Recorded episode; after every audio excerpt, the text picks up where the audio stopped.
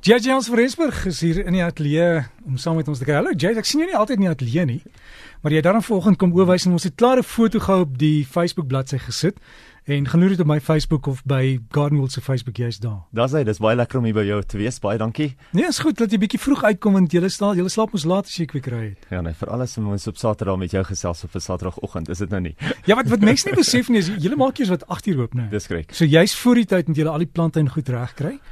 En dis wanneer ek jou dan skakel en dan dan praat jy gaan. Ons moet die besigheid aan die gang kry, jy weet en dis wat so lekker is. Dis Hoe hoe doen tuin besighede oor die oor die algemeen in Suid-Afrika?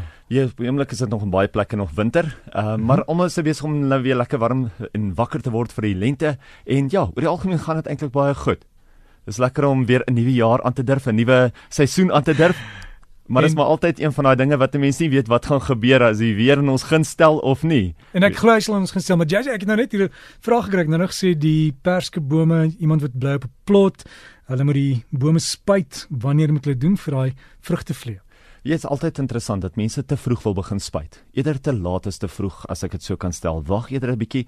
Moenie spuit terwyl jou plante in bloei is nie. Moenie spuit terwyl die blommetjies nog daar is nie. Wag totdat die blomme eers afgeval het. Gewoonlik kan jy begin spuit as 2/3 van die blom blare afgeval het. Maar meeste mense sal eintlik vir jou sê wag totdat die vrugte halfpad ontwikkel is, want voor dit gaan hulle eintlik baie min vrugtevlee kry wat aan die bome kan steek want daar is nog niks om te steek nie.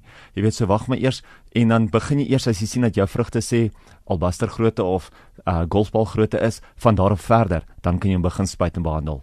En natuurlik, onthou, dis al kyk ons ook baie meer na ons ekovriendelike produkte, produkte wat 'n mens eintlik teen die bome kan spuit wat die vrugtevlee weg kan lok van die vrugte af en eerder die bome kan uh, steek as ek dit so kan stel en dan logies gaan daar niks van daai eiers word nie, gaan niks van daai larwes word nie en dan raak jy so van hulle op 'n ekovriendelike manier. En dis tog 'n tendens wêreldwyd, né? O, definitief. Ja, nee, ons wil al hoe minder en minder spuitstowwe op ons vrugte self hê. En Om, en jy sê hierdie tyd van die jaar, die seisoen is beslis besig om te verander. Wat moet ons in die tuin doen? Wel, meeste mense begin altyd in die lente wegspring om in hulle tuine te verander. En hulle kyk altyd, wat kan hulle aan hulle tuine doen? Hoe kan hulle hulle tuine op hulle beste kry of hoe kan hulle dit regkry vir die somermaande?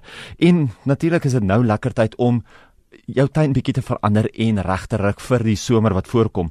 En baie mense weet nie altyd waar om te begin nie. Lekker ding is 'n mens kry tydskrifte wat vir jou baie idees gee, maar dan kry jy ook jou tuinbou skoue. Natuurlik het ons ons lentefees aan op die oomblik en daar so is 22 uitstaltuine. So dit is regtig iets wat mense mal is oor om te kom kyk en idees te kry. En JJ as jy sê idees kry, ek sê altyd jy kan gaan en steel met jou oë.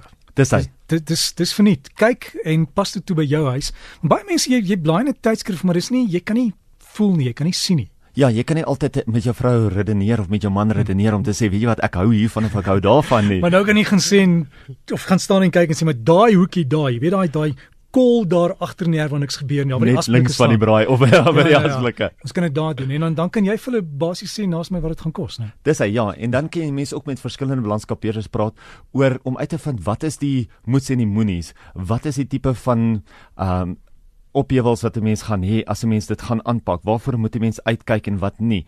Baie mense begin ook altyd te groot. Jy weet, moenie te groot begin nie. Begin klein. Begin met iets wat hanteerbaar is. Begin met ietsie wat jy kan doen in hierdie seisoen. Jy weet op die einde van die dag wil 'n mens kan terugstaan en wil kan sê, dit is wat ek hierdie seisoen bereik het in my tuin. Dit is hoekom ek so spesiaal voel in my tuin en dit is wat dit vir my lekker maak. En as jy te groot gaan gaan, gaan jy dit nie regkry nie. Gaan dit vir jou net te veel wees en gaan jy nooit klaarmaak daarmee nie. Begin waarmee jy kan klaarmaak. Kyk hoeveel tyd het jy? Kyk hoeveel geld het jy? Mm -hmm. En kyk wat jy op die einde van die dag wil hê. Ek sê altyd, weet jy as 'n pink olifant jou fortuin is, dan moet jy vir jou 'n pink olifant gaan koop en hom in jou tuin sit. Maar gaan kyk waarvan jy en jou vrou hou of jy en jou gesel hou, sodat julle wel ietsie insit wat vir julle saak maak, wat eie aan julle is. En jy as jy iemand kry om jou tuin as 'n landskap kunswerk daar te los. Onthou as die mense weg is, moet jy self jou tuin in stand hou. Mense vergeet dit.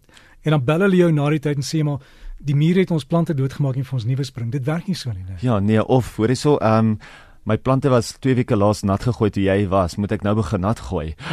ja, so dit gaan alles as jy daai geld spandeer want plante is nie goedkoop deesdae nie. Onthou om die die nawerk ook te doen.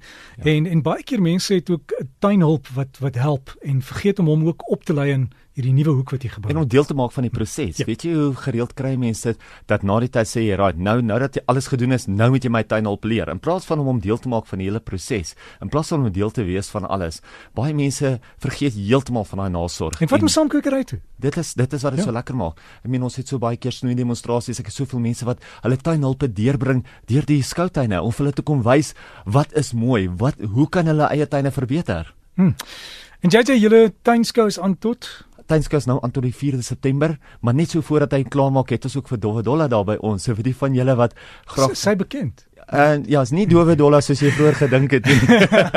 nee, Dowwe Dolla sê sy doen 'n goeie vertoning. Julle het julle daai een een kant waar julle die die vertonings doen, maar dis maar net om mense betrokke te kry by die by die tuinbedryf en gaan kuier saam en alles op julle webtuiste. Alles is op die webtuiste, al, alles is op ons Facebook. Vir die van julle wat nog nie deel is van ons JJ se seeblad nie, word deel daarvan. Is so lekker om saam te gesels.